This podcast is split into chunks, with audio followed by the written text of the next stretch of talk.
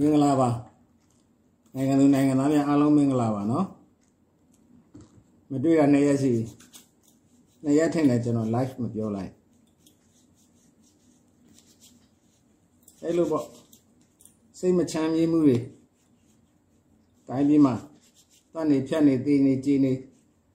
ပြင်မဲ့တဲ့ပြည်သူတွေအဲ့ဒီတွေ့ရင်စိတ်ရမပြောဘူးကိုက ဒီဝမဖြစ်စေခြင်းတိုင်းပြည်အေးခြင်းတည်ငြိမ်မဖြစ်စေခြင်းတော့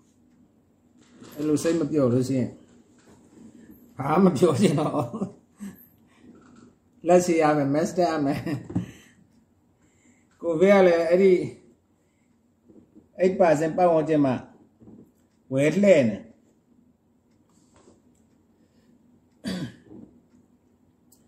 မင်္ဂလာပါမင်္ဂလာပါ ရွာမှာဘုံလာခွဲတယ်တဲ့ကျွန်တော်ကျွန်တော်ရွာမှာမပေါက်ဘူးတဲ့တရားဟောရေးတာတဲ့အဲ့ဒါရွာကလေးရွာမှာဘုံလာခွဲတယ်တဲ့မပေါက်ဘူးတဲ့ဘယ်လိုဘယ်လိုပြောမှမသိဒီကြံဖက်မှုတွေကိုတော်တော်လုံးတယ်လုံးတယ်ပေါ့နော်ဒီဖွဲ့တွေကလုံးတယ်ဆိုတော့ဒီနေ့ဒီမှာ အဲဒီမှာတစ်ချက်ဟိုတနေ့ကတွေ့တယ် KNU တက်မ6မူတယောအဲဒူပလက်ရခဲမူတယောခဲဟိုဖပုံကွယ်ဒူပလက်ရခဲရင်ကခရိုင်ဥက္ကဋ္ဌအဖိုးအဖိုးရွှေမောင်ပေါ့သူနဲ့တော့မရင်နေဘူးဗျသူနဲ့တော့တွေ့ဟို၃၄ချိန်ကြုံဘူးလေအဲ့တော့တံပီဇဲဖျားသုံးစုလန်တို့ ကြိုင်စိတ်ကြီးဖျားသုံးစုလန်တို့ကျွန်တော်ဖောက်ခဲ့တာကျွန်တော်ဖောက်ခဲ့တဲ့ဆိုတာကတော့ဟိုပါဝင်အမေဆောင်းလို့ရေဝန်ကြီးဌာနကိုစားကိုကအနိကအဲတာဝန်ယူပြီးတော့မှ site ထဲမှာလမ်းလမ်းလမ်းပေါ်မှာကြီးကြပ်ခဲ့တာပေါ့ကိုကိုယ်တိုင်လည်းလုပ်တယ်ကုမ္ပဏီတွေလုပ်တာကိုလည်းကြီးကြပ်တာပေါ့အဲ့တော့လမ်းလည်းတော်တော်ရှိုးတယ်ဗျအဲ့ဒါဒီ တမ6နဲ့မြေမူဒူးပလက်ရခဲနေမှာအဖိုးရွှေမောင်နဲ့အဲ့မှာတစ်ချိန်တစ်ချိန်တွေ့ဘူးတယ်အဲ့တော့ကျိုင်းဆက်ကြီးဖျားသုံးစုလမ်းကျိုင်းဆက်ကြီးဖျားသုံးစုလမ်းကကျွန်တော်ဒီရက်ကလားလွန်ဟိုတရွာอืมအဲ့ကြာပြီဆိုတော့ရွာနေပဲနည်းနည်းမေးနေအဲ့ဒီသူတို့ရဲ့ဌာနချုပ်သိမ့်မဝေးဘူးဗျ ဌာနချုပ်တည်းတော့မရောက်ဘူးပါဘူးကိုလည်းအဲ့လောက်ပြီးတော့အဲဟိုဥစားပေါ့ကိုနဲ့လည်းမဆိုင်တော့လေအဲ့လောက်တော့လိုက်ပြီးတော့မတော်ဘူးကြည်နေကြည်စားပဲအဲ့တော့အခမ်းမသိကိုမယုံတင်ကနဲ့အတတ်မှာအဲ့လိုမျိုးဖြစ်တာအခုဖိုးဆွေမောင်ကသူစာထုတ်တာတွေတွေ့တယ်ဗျဒီမှာ तू က၄ရက်နေ့ကစာထုတ်တယ်စာထုတ်တာကဘာလဲဆိုတော့ဒီမှာသို့ PDF တာဝန်ခံ NUG အစိုးရအဖွဲ့ဆိုပြီးတော့ तू က အကြောင်းရအသိပေးခြင်းနဲ့ယခုလက်ရှိကာလ၌လူကြီးမင်းများတို့ဤကာကွယ်ရေးတပ်ဖွဲ့ဝင်များသည်တဲ့ကျွန်ုပ်တို့ဤ KNU လှုပ်ရှားဒေသအတွင်း၌ KNU ဤမူဝါဒသဘောထားယက်တိချက်နှင့်စန့်ကျင်သောလောက်ရများကိုပြောင်ပြောင်တင်းတင်းထင်ရမြင်ရလှုပ်ဆောင်လာနေသည်ကို တွေ့မြင်နေရပါသည်ဤသို့အကြမ်းဖက်ပြန်ဖတ်ပြမယ်ဤသို့အကြမ်းဖက် ဆောင်ရွက်ခြင်းများကြောင့်အပြစ်မဲ့ပြည်သူဆုံးဆုံးနစ်နာမှုများဖြစ်ပေါ်စေသည်တဲ့ကျွန်ုပ်တို့အနေဖြင့် KNU ဒေသတွင်၌ညီသည့်အဖွဲ့အစည်းမှ KNU ၏မူဝါဒသဘောထားနှင့်ဆန့်ကျင်သော အကြမ်းဖက်လှုပ်ရှားဆောင်ရွက်ခြင်းများ မပြုလုပ်ရန်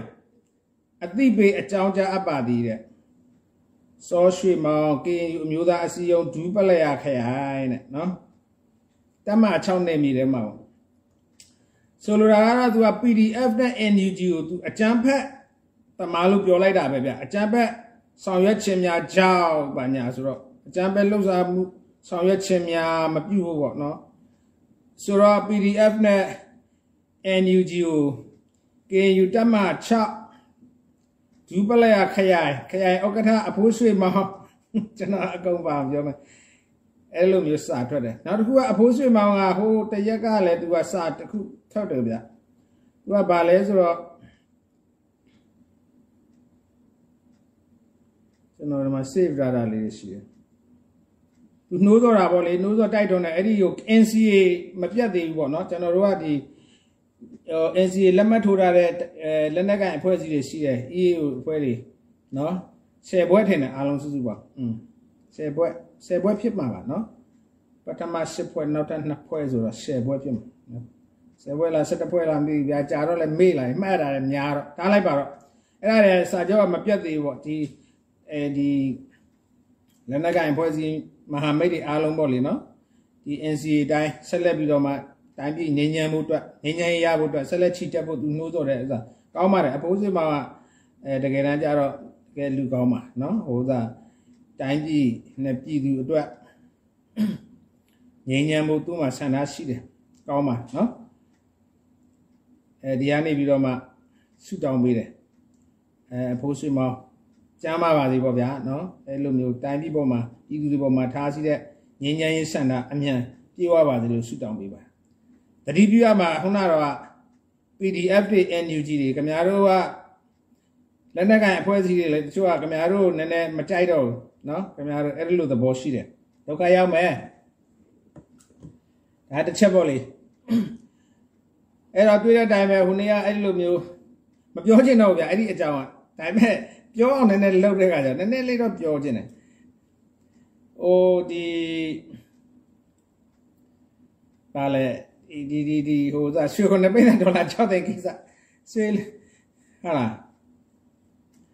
ရွှေခုနှစ်ပိတ်ဒေါ်လာ6သိန်းကိစ္စမှာအမေစုကအဲ့လိုပြောရတဲ့ခါကျတော့အာဒီဘက်ကအဲဒီဟိုစားပေါ့ဒေါ်လာရင်အင်အားစုတွေပေါ့ဗျာအမေစုကိုချစ်တဲ့ဒီအင်အားစုတွေကတမ်ဘီစိတ်တချိထားလာကြအဲအဲ့လိုမျိုးကျွန်တော်ပြောနေတာခင်ဗျားတို့ စကားသိရှိစီဝေးပြောတာမကောင်းညတခုကတော့ခိုးတယ်လို့ပဲပြောမလဲဟုတ်တယ်မဟုတ်ခင်ဗျားတို့အမိတ်ချမဲ့တာချရောအဲနောက်တစ်ခုကတာမန်တခုလည်းမဟုတ်လေကျွန်တော်တို့ကအရက်တရအလားအဲဒီဟိုသာကလီကောဝတခုလည်းမဟုတ် तू ကဒီနိုင်ငံတော်မှာတကယ်ခင်ဗျားတို့ပြောတဲ့ပြည်တော်စုမိခင်လို့လို့ဘာလို့လို့အမေစုကအဲ့လိုဟိုတိုင်းပြည်ခေါင်းဆောင်ဖြစ်ခဲ့တာပေါ့ဗျာ အဲအဲ့လိုမျိုး तू ကနိုင်ငံတော်အဆင့်တခိုးကြီးဆိုတော့ तू ကခင်ဗျားဒီအဆက်ကွဲပါပေါ့ကျွန်မခိုးရတယ်လက်ပြူရတယ်ဆိုရင်အဆက်ကွဲပါပေါ့ကြားရတဲ့နိုဘယ်ဆုတွေပါတယ်တော့မှဟိုတော်တော်ဥစ္စာဖြစ်သွားမှာအဆက်တသက်လုံးဥစ္စာနာမည်ဥစ္စာဖြစ်ခဲ့တဲ့မြအဲ့လိုဖြစ်သွားမှာပေါ့အဲ့တော့ तू ကဒီလိုပဲခင်ဗျားတို့ပြောရမှာပေါ့ဟုတ်တယ်မဟုတ်လားတကူကခိုးတယ်လို့တော့ပဲပဲဥစ္စာဖြစ်မှာဒီချိန်မှာ तू ဒီလိုပဲညင်းရမှာပေါ့ ဒီလိုပဲညင်းအောင်နဲ့တော့အဲညင်းအောင်နဲ့တော့တရားသူကြီးက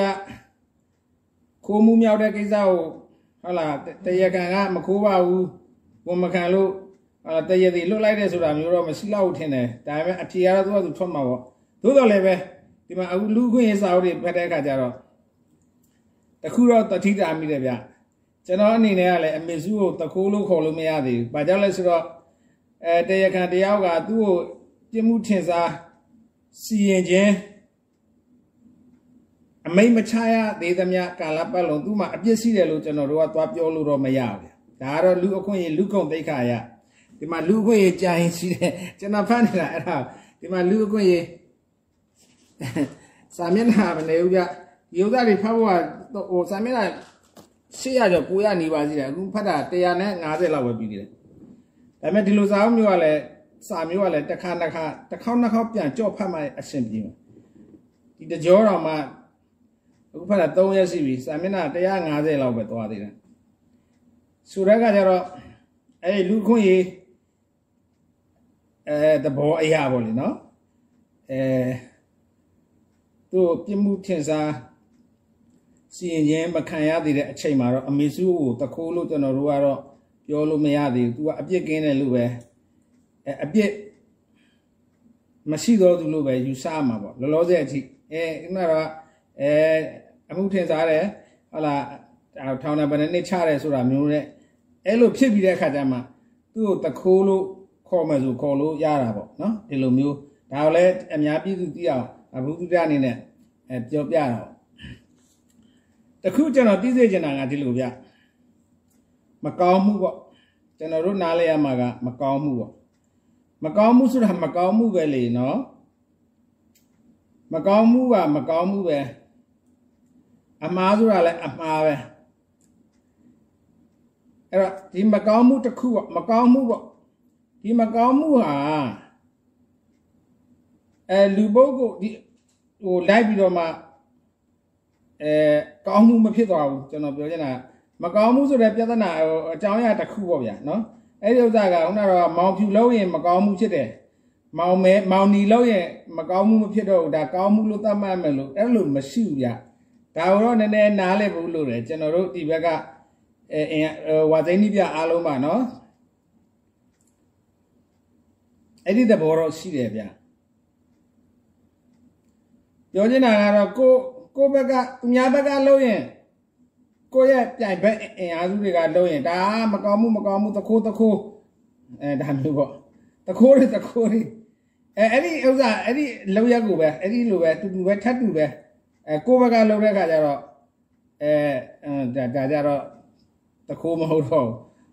မကောင်းမှုမဖြစ်တော့အဲအဲ့ဒါမျိုးပေါ့ကိုလုံးတော့တရားမျှတတယ်အဲ့လိုမျိုးဖြစ်ရင်ဒါဒါအတိတ်ပဲမရှိဘူးဒါလေးကကျွန်တော်တို့ဝါစိနိပြအားလုံးသတိထားမှာပြောချင်တာကတော့ လက်ပေးလက်ယူပဲဖြစ်ဖြစ်ခုနတော့နိုင်ငံတော်ဗန္နာတွေကိုအဲ့လိုမျိုးပေါ့ခိုးယူတာပဲဖြစ်ဖြစ်ဒါတော့အဲ့လိုပဲပြောရတော့မှာပေါ့ဘာလဲဆိုတော့ခိုးတဲ့ကိစ္စလို့ပြောရမှာဘာကြောင့်လဲဆိုတော့ဒါဝန်ကြီးချုပ်အဲ့တော့အကွီဖြိုးပေါ့ဥဖြိုးမင်းတဲ့ရလဲ तू ကပဲပဲဟိုဟိုတရားမင်းပြင်ကနှိုက်ပြီးတော့ရလာတဲ့ကိစ္စမှမဟုတ်တာဒီဒေါ်လာတွေဒီရွှေတွေကလည်းရန်ကုန်တိုင်းနဲ့သက်ဆိုင်တဲ့ ဒီစီမံကိန်းတွေတိုင်းပြည်ဘဏ္ဍာသုံးစွဲမှုတွေမှာသူအမားယွန်းတွေအများကြီးလုပ်ခဲ့မယ်အမျက်ဆုံးတွေရအောင်အများကြီးမတမာမှုတွေလုပ်ခဲ့မယ်အဲဒီလိုလုပ်ခဲ့တာတွေအပေါ်မှာအကျိုးမြတ်တွေအများကြီးရှိမယ်ဆိုတာဒါတိုင်းပြည်ဘဏ္ဍာခိုးတာပဲဝန်ကြီးချုပ်ရန်ကုန်တိုင်းဝန်ကြီးချုပ်တိုင်းပြည်ဘဏ္ဍာခိုးတဲ့အခါကျတော့အဲ့ဒီအဲ့လိုလုပ်တဲ့အမှားယွင်းတွေကိုနိုင်ငံမှာအာဏာအရှိဆုံးပါဝါအရှိဆုံးလူကအကကွယ်ပေးအောင်သူကအဲ့ဒါမျိုးပေါ့ တပြန့်ပြီးတော့မှအဲတည်တယ်မဟုတ်လားအစာတပြန့်ခွန်တာပေါ့ဓမြတဆင့်ကြည့်တဲ့ဓမြဓမြဓမြအဆင့်ဖြစ်သွားအဲ့ဒါမျိုးသွားပြီးတော့မှနတ်စာတင်တာပေါ့ဒီကခိုးစားတွေကိုသွားပြီးတော့မှအမေစုစီကိုသွားပြီးတော့တင်တယ်ဒါဘာပဲပြောတာလဲခိုးတာပဲနော်လက်စားတာလို့ပြောလို့မရဘူးဒါတိုင်းပြည်ပန်းတာလက်စားရဲဆိုတဲ့သဘောကအဲခုနကမောင်ဝိတ် အဲမောင်ဝိတ်မောင်ဝိတ်အာဥမဥမဝိတ်စရာဒေါ်လာ9သိန်းခွဲဒါမျိုးကြတော့လက်စားရဲလို့ပြောလို့ရတယ်။ဘာကြောင့်လဲဆိုတော့ဒီလုပ်ငန်းရှင်ကသူကတိုင်းပြည်ရဲ့ဒီစီမံကိန်းလုပ်ငန်းတွေကိုသူလုပ်ခွင့်ရအောင်ဟိုကတင်တာပြိုင်တာတို့ဘာလို့စသဖြင့်ဥပမာပြပြတာဥပမာတရားအနေနဲ့ပြောပြတာဟုတ်လားအဲ့ဒါမျိုးတွေကိုသူလှုပ်ခွင့်ရအောင်ဆိုပြီးတော့မှသူသူ့ဘက်ကိုလိုက်အောင်လို့ဒါ အဲလက်ထိုးတာပေါ့ဒါဥမောင်ဝေးလုပ်တဲ့ကိစ္စကြတော့လက်ထိုးတယ်လို့ပြောလို့ရဒီဘက်ကဥဖြိုးမင်းသိန်းလုပ်တဲ့ဟိုရွှေခွန်ပိဿဒေါ်လာ6သိန်းကြတော့ဒါတိုင်းပြည်ဘဏ္ဍာခိုးတယ်လို့ပြောရမှာဒါကစီမံကိန်းလုပ်ငန်းတွေတိုင်းပြည်ရဲ့ရန်ပုံငွေပေါ့ဘတ်ဂျက်တွေကနေပြီးတော့မှအဲရန်ပုံငွေသုံးစွဲမှုတွေကနေပြီးတော့မှသွားတာအဲ့တဘောတော့အဲ့လိုသုံးသပ်ရမှာပြောချင်တာက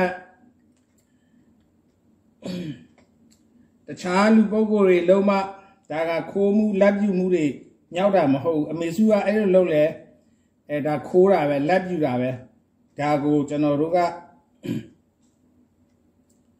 မကောင်းမှုကိုမကောင်းမှုလို့လက်ခံနိုင်ရမယ်ဝါစိန်နိပြအားလုံးကကိုယ့်ရဲ့အမေဖြစ်လို့ကိုချစ်တဲ့နိုင်ငံကောင်းဆောင်ဖြစ်လို့ဒါကြီးကို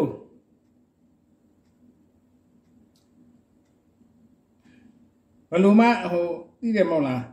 အမှန်တည်းဟိုခိုးမှုမှန်သိတယ်လက်လက်ယူမှုမှန်သိတယ်သို့တော်လည်းအဲ့ဒါကြီးဝန်ခံရမှာကိုဘလို့မှရင်ထဲမှာဟိုသာဖြစ်တာပေါ့အဲ့ဒါမခံမရနိုင်ဖြစ်တာပေါ့လက်မခံရင်ပေါ့ဒါမျိုးပေါ့မရဘူးလေခင်ဗျားတို့လက်မခံရင်ယုံနဲ့ဟိုဘက်ကခိုးမှုရပျောက်သွားအောင်မဟုတ်လားငါတို့အမေမခိုးမခိုးမခိုးလို့ဖင်ပိတ်ညင်ဟိုကျွန်တော်ဟိုကပြာဓမ္မရေးတာမဟုတ်လား အမေလဲအန်ကျိတ်တင်သားတို့လည်းဖင်ပိတ်ညင်ကြမယ်ဆိုတာရွှေခုနှစ်ပိတ်တာဒေါ်လာ6သိန်းအဲဒါမျိုးပေါ့အဲ့ဒါမျိုးဖင်ပိတ်ညင်ုံနဲ့ဒီကိစ္စကြီးကပြီးပြတ်သွားမှာမဟုတ်ဘူးဟိုမှာတရားသူကြီးကသူတေချာစစ်မှာပဲသူလည်းတရားများများတရစစ်မှာပဲလीနော်အမှုကဟုတ်လားဒီဘက်ကတရားခံဘက်ကလည်းသူလျှောက်လွှဲချက်တွေလာမှာပေါ့မခိုးဆိုလည်းမခိုးတက်သေးပြတာမျိုးတွေပေါ့ ဟုတ်လားဒီဘက်ကလည်းတရားခံဘက်ကတရားလိုတရားလိုဘက်ကလည်းအာတရားလိုပြတက်သေးရှိမယ်အာသူကလည်းသူခံခိုင်းလုံးတာမျိုးပေါ့ပြီးလို့ရှိရင်အဲ့ဒီပေါ်မှာတရားသူကြီးကသူကသူဆုံးဖြတ်မှာပေါ့စင်ရင်သုံးတက်ပြီးတော့မှတရားသူကြီးကတရားသူကြီးရဲ့ဆုံးဖြတ်ပါအတီပဲနော်အဲ့တော့လောဆယ်တီးရမှာကအရင်တော့တောကမဖြစ်ပါနဲ့အနီတွေကလည်း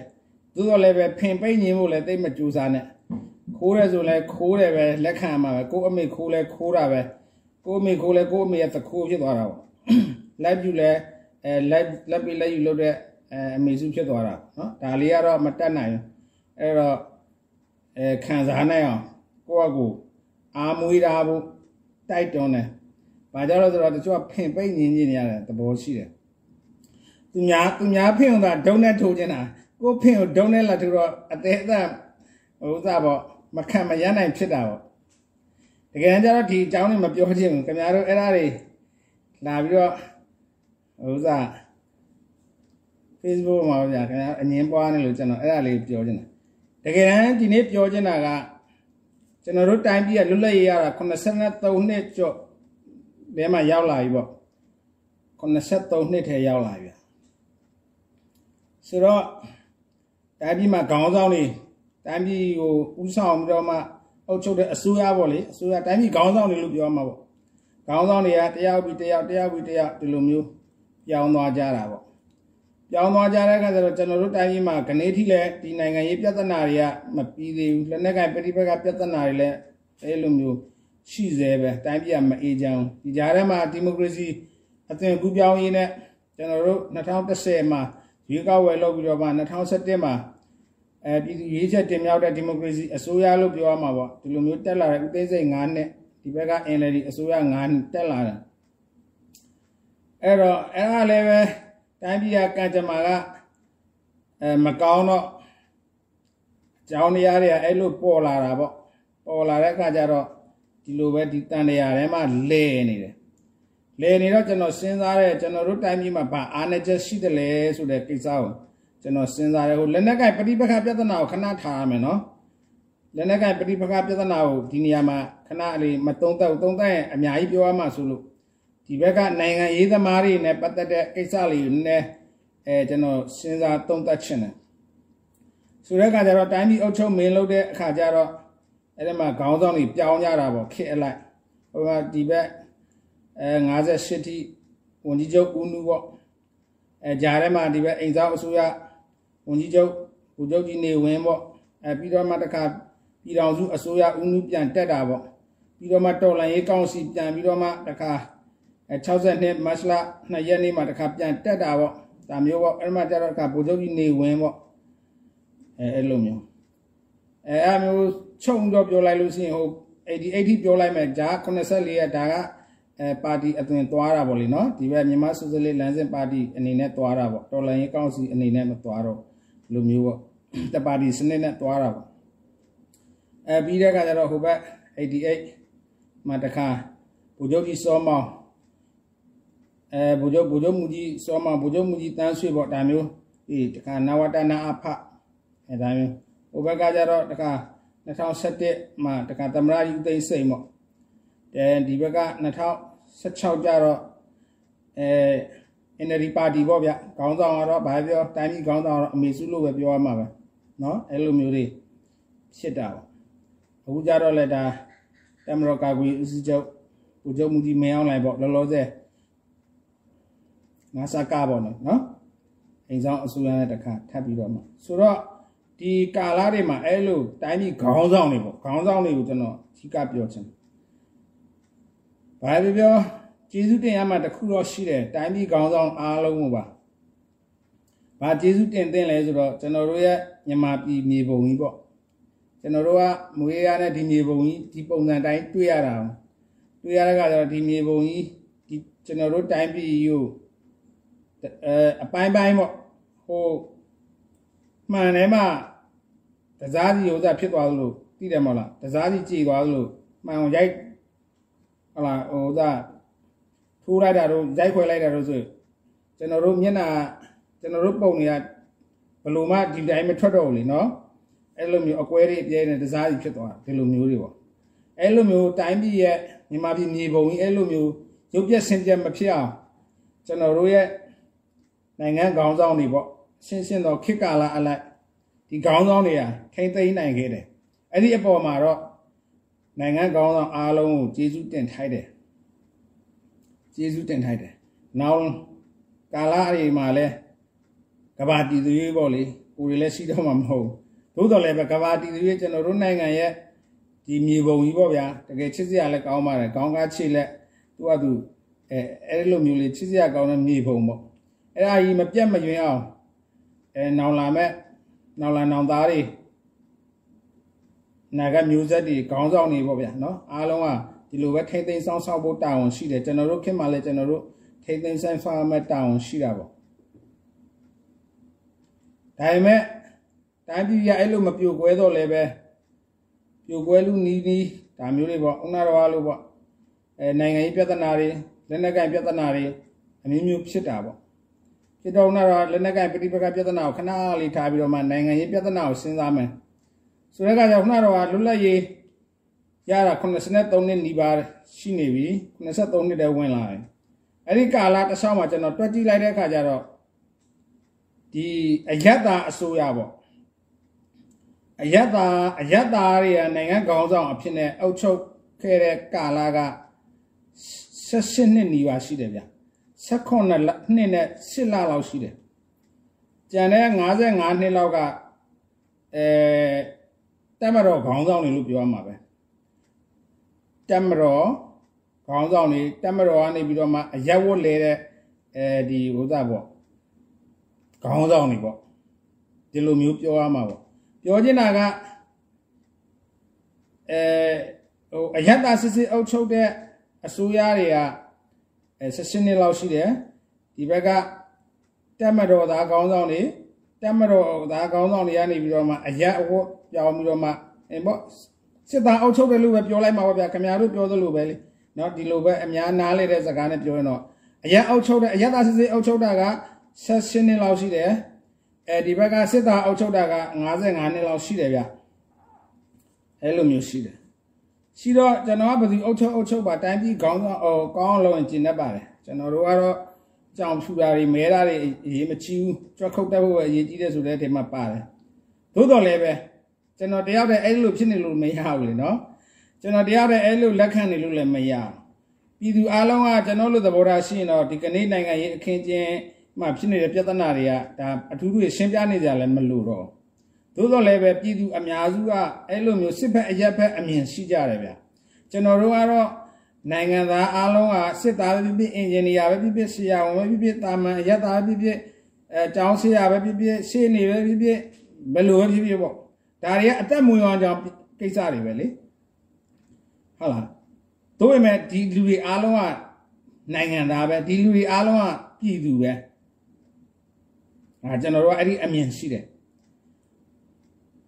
အချို့ကြတော့ကိုယ့်ရဲ့ကိုယ့်ရဲ့အုပ်စုပေါ့ဟိုဆရာဝန်ဆိုတော့ဆရာဝန်မှအဲတခြားလူတွေကိုဥစားဥစားမဖြစ်ဘူးသူညစ်မုံကျိုးတဲ့သဘောမျိုးပေါ့အဲအင်ဂျင်နီယာဆိုတော့အင်ဂျင်နီယာမှအင်ဂျင်နီယာပေါ့အာစစ် စစ်သားပုံမြင့်မုံကျိုးဒီလိုမျိုးရှိတာပေါ့ကျွန်တော်တို့ကြတော့မရှိဘူးကျွန်တော်ရဲ့ပင်ကိုပေါ့ဗီဇာအရတော့လုံးဝအဲ့ဒါမျိုးတွေမရှိဘူးကျွန်တော်တို့ကကျွန်တော်အမြဲပြောတယ်လေတိုင်းကြီးမှာလူတိုင်းကတိုင်းပြည်အတွက်တန်မှုရှိတယ်သူ့နေရာနဲ့သူနေသားကြအတုံးချတတ်ဖို့ပဲလို့တယ်ဒီလိုမျိုးပေါ့ဆိုတော့ကျွန်တော်ခွဲခြားမှုမရှိဘူးစစ်သားလည်းပြည်သူပဲအရသားလည်းပြည်သူပဲဆရာဝန်လည်းပြည်သူပဲဒါမျိုးပေါ့သို့တော်လည်းပဲကျွန်တော်တို့အမြင်ကလူတိုင်းမှာရှိကြမှာရှိတာ တာမန်ပြည်သူတွေ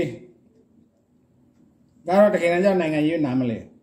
သို့တော်လည်းပဲအဲ့ဒီနိုင်ငံရေးနားမလဲတဲ့လူတွေကိုလူပေါ်လူစော်လုံးနေတဲ့နိုင်ငံရေးသမားတွေရှိတယ်အယက်သားနိုင်ငံရေးသမားလို့ခေါ်မှာပေါ့သူတို့ကြတော့သူတို့ရဲ့နိုင်ငံရေးလိုပါအတွက်အဲ့လိုမျိုးပေါ့ခုနတော့ဘာမှမသိနားမလဲတဲ့တာမန်အယက်သားတွေပေါ်မှာမသိလေကောင်းလေပဲမိုင်းသွင်းလို့ကောင်းတာပေါ့ဒီလိုမျိုးပေါ့အဲ့တော့သူတို့မိုင်းသွင်းတာကအဓိကရည်ရွယ်ချက်ကပါလဲဆိုတော့သူတို့ရဲ့လိုပါအတွက် ဒီလိုမျိုးဖြစ်တာပေါ့ဆိုတော့ကအဲ့ဒါနဲ့ဒီဘက်စစ်ဘက်အရက်ဖက်ပြဿနာတွေကဝဲလေနေတယ်အရသာစစ်သားကိုကြည့်လို့မရဘူးဆရာဝန်ကစစ်သားကိုကြည့်လို့မရအင်ဂျင်နီယာဒါမျိုးတွေပေါ့အဲ့ဒါမျိုးတွေဖြစ်နေစစ်စစ်သားနဲ့ဒီဘက်ကစစ်သားမဟုတ်တဲ့လူတွေနဲ့ကအဲအဲ့လိုမျိုးတွေတွားပြီးတော့မှဟိုရံဖက်အသွင်ဆောင်တော့ပေါ့အဲ့ဒါဘာမှမဟုတ်ဘူးတကယ်တမ်းကျတော့နိုင်ငံရေးသမားတွေရဲ့ တွေးထိုးလှုပ်ဆောင်မှုပဲဒါကျွန်တော်ဒီလိုမျိုးမြင်တယ်ဆိုတော့ကကျွန်တော်ထားလိုက်ဒီကိစ္စတွေပေါ်မှာဒီတိုင်းဆက်သွားလို့မရဆက်သွားလို့မရအဲ့တော့ခုနကကျွန်တော်ပြောတဲ့နိုင်ငံခေါင်းဆောင်အရက်အရက်ဘက်ခေါင်းဆောင်မဖြစ်ဖြစ်တမတော်ဘက်ကခေါင်းဆောင်တွေပဲဖြစ်ဖြစ်သူတို့သူတို့ဘာခေါ်မလဲမလိုအပ်ဘူးလို့ထင်ခဲ့တာတော့မဟုတ်တော့ဘူး အဲဘယ်လိုသူတို့သုံးသပ်မလဲအဲမေးလျောနေတာမျိုးဖြစ်မှာပေါ့ဒါကအဓိကသိမကြဘူးဆိုတာမျိုးလဲဖြစ်ဖြစ်ကောင်ဖြစ်မှာပေါ့အဲ့လိုမျိုးနဲ့အဲဒါကိုမလုပ်ခဲ့တဲ့ကိစ္စတရက်ရှိတယ်ဗျကိစ္စတရက်ရှိတယ်အဲ့ဒီကိစ္စကတာမန်အပြစ်မလိုအပ်ဘူးလို့ထင်တော်လဲပဲအဲ့ဒီမလိုအပ်ဘူးလို့ထင်တဲ့ကိစ္စကပဲကျွန်တော်တို့အခုလိုမျိုးနိုင်ငံရေးပြဿနာတွေဟိုအဲအများကြီးဖြစ်စေတယ် ဖြစ်စေတဲ့အခါကျတော့ဒီဒီအချိန်မှာဒါတွေကိုဒီအာဏာချက်ကိုမြင်ပြီဆိုလို့ရှိရင်နောင်ဒီအာဏာချက်တွေမဖြစ်အောင်ကျွန်တော်တို့ဘယ်လိုသွားမလဲဆိုတာကိုကျွန်တော်နည်းနည်းပြောချင်တာဒီနေ့ဒီလိုဗျစစ်ဖက်အရက်ဘက်ခဏလေးခွဲလိုက်မယ်ခွဲလိုက်တဲ့အခါကျတော့ဒီဘက်ကတက်မတော်ကလည်းသူ့အထိုင်လျောက်ဟိုတိုင်းပြည်ကိုကောက်ွယ်ဆောင်းဆောင်းမတာဝန်ရှိတာပဲဟုတ်လားဒီဘက်ကလည်းအရက်ဘက်ကလည်းသူကအစိုးရဖြစ်ချင်တယ်တိုင်းပြည်အာဏာကိုဟိုသာဖြစ်ချင်တယ် ကင်ဟိုကင်ပြီးတော့သုံးချင်တာပေါ့ဒါလည်းကျွန်တော်ကအပြစ်မပြောပါဘူးသို့တော်လည်းပဲအဲဒီလိုမျိုးတိုင်းပြည်ကိုဥဆောင်နိုင်တဲ့ရိုးသားမှုအရေးအချင်းတွေဟာလာဥဆောင်နိုင်စွမ်းတွေရှိဖို့တော့လိုတာပေါ့အဲအဲ့လိုမျိုးဆိုလို့ရှိရင်ဟိုဘက်ကလည်းဒီတမတော်ဘက်ကလည်းဒီလိုမျိုးဝင်လာကြအကြောင်းမရှိပါဘူးတကယ်တမ်းကျတော့ဆိုလိုတာကတပ်ဖက်ကတာဝန်ရှိတဲ့ခေါင်းဆောင်တွေနဲ့ ဒီဘက်ကအရက်ဘက်ကနိုင်ငံရေးသမားခေါင်းဆောင်တွေဟာဟာလာသူတို့ရဲ့ level သူတို့ရဲ့အရေးသွေးဟိုရှင်လိုက်မယ်ဆိုလို့ရှိရင်ဒီဘက်ကအယက်သားကတာနေအယက်သားကခေါင်းဒီတိုင်းပြည်ကိုနည်းနည်းနည်းနည်းအုပ်ချုပ်နိုင်မှာတက်ကအယက်သားခေါင်းဆောင်တွေကအားနေပြီးတော့အသုံးမကျတဲ့အခါမျိုးကြရင်တော့ဒီဘက်ကစစ်ဖက်ကနေပြီးတော့မှသူကအဲစစ်ဘက်ခေါင်းဆောင်တွေက အကြီးအသွေးတာနေတယ်အရေးချင်းတာနေတယ်ဆိုလို့ရှိရင်လည်းအဲစစ်ဘက်ကတိုင်းပြည်တာဝန်ယူပေးရမှာပဲ။ဘာကြောင့်လဲဆိုတော့တိုင်းပြည်မပြိုကွဲဖို့အဲဒါမျိုးတွေကအရေးကြီးတာ။နောက်တစ်ချက်ကောင်းတာတော့ပြောတယ်ကျွန်တော်တို့မှာသူများနိုင်ငံတွေနဲ့မတူတဲ့အဲပြည်တွင်းလက်နက်ကင်ပဋိပက္ခပြဿနာရှိတယ်။အဲ့ဒါကကျွန်တော်တို့ကမထက်တွက်လို့မရဘူး။ဒါလေးတော့ခဏထားအောင်။ဆိုတော့ကျွန်တော်ပြောချင်တာကတက်မတော် တက်မတော်ခေါင်းဆောင်တွေခုနတော့အနှစ်55နှစ်ကတက်မတော်ခေါင်းဆောင်တွေကတိုင်းပြည်ကိုအုပ်ချုပ်ခဲ့တယ်လို့ပြောရမှာပဲနော်အဲ့တော့တာဝန်ရှိမှုနဲ့ဆိုရင်တော့ဒီခေါင်းဆောင်တွေမှာပိုတာဝန်ရှိတယ်လို့ကျွန်တော်ယူဆတယ်ယူဆတယ်ဒါပေမဲ့ဒီဒီလိုမျိုးကတက်ကသူ့ရဲ့သဘောတဘာဝအရာသူဒီတက်မှာက training တွေအရန်ကောင်းတယ်သူရဲ့ level တစ်ခုချင်းတစ်ခုချင်းမှာသူကလိုအပ်တဲ့ training တွေသင်တန်းတွေအမြဲထောက်ဆောက်ပေးသွားတယ်နောက်ဆုံးမှသူတို့ဟာလာအမြင့်ဆုံးတောင်းတွေအတွက်ရည်မှန်းထားတဲ့ခေါင်းဆောင်တွေဥမာတမမှုတို့အဲတိုင်းမှုတို့ဖြစ်တော့မယ်ဆိုလို့ရှိရင်ကျွန်တော်တို့နားလဲတော့သူတို့ဟိုဘာလဲနိုင်ငံတော်ကာကွယ်ရေးတက်ကတူဆိုတာရှိတယ်သူတို့အဲ့အမျိုးပေါ့သူ level နဲ့သူပေါ့အဲ့အမျိုးတွေကြီးသူတို့ကခါတဲ့အဲတိုင်းပြည်မှာနိုင်ငံရေးစီးပွားရေးနိုင်ငံတကာဆက်ဆံရေးစသဖြင့်ပေါ့အုပ်ချုပ်ရေး အဲ့ဒီအမြင်လေးမြင်ရှိတယ်လေခုနေ့ကဟိုတာအဲကာကွယ်ဦးစီးချုပ်ပြောသွားတာနိုင်ငံရေးအမြင်စစ်ရေးအမြင်နိုင်ငံရေးအမြင်ရှိရမယ်စစ်ရေးအမြင်ရှိရမယ်စီးပွားရေးအမြင်ရှိရမယ်အဲနောက်ပါအမြင်လည်းမသိဘူးသူက၄ခုပြနိုင်ငံရေးစီးပွားရေးစစ်ရေးအုပ်ချုပ်ရေးအဲအဲ့ဒါမျိုးအုပ်ချုပ်ရေးအမြင်အဲ့ဒီမြင်အမြင်လေးမြင်ရှိရမှာပေါ့အေးပေါ့ဆိုတော့ဒီသူတို့ကသူ့ level တိုင်းမှာသူ့ level တစ်ဆင့်ချင်းတန်တဲ့ တင်တန်းလေးသူကတောက်လျှောက်ပေးတယ်ဗလိုင်းဒီလိုမျိုးမဟုတ်ဘူးသူကလိုအပ်တဲ့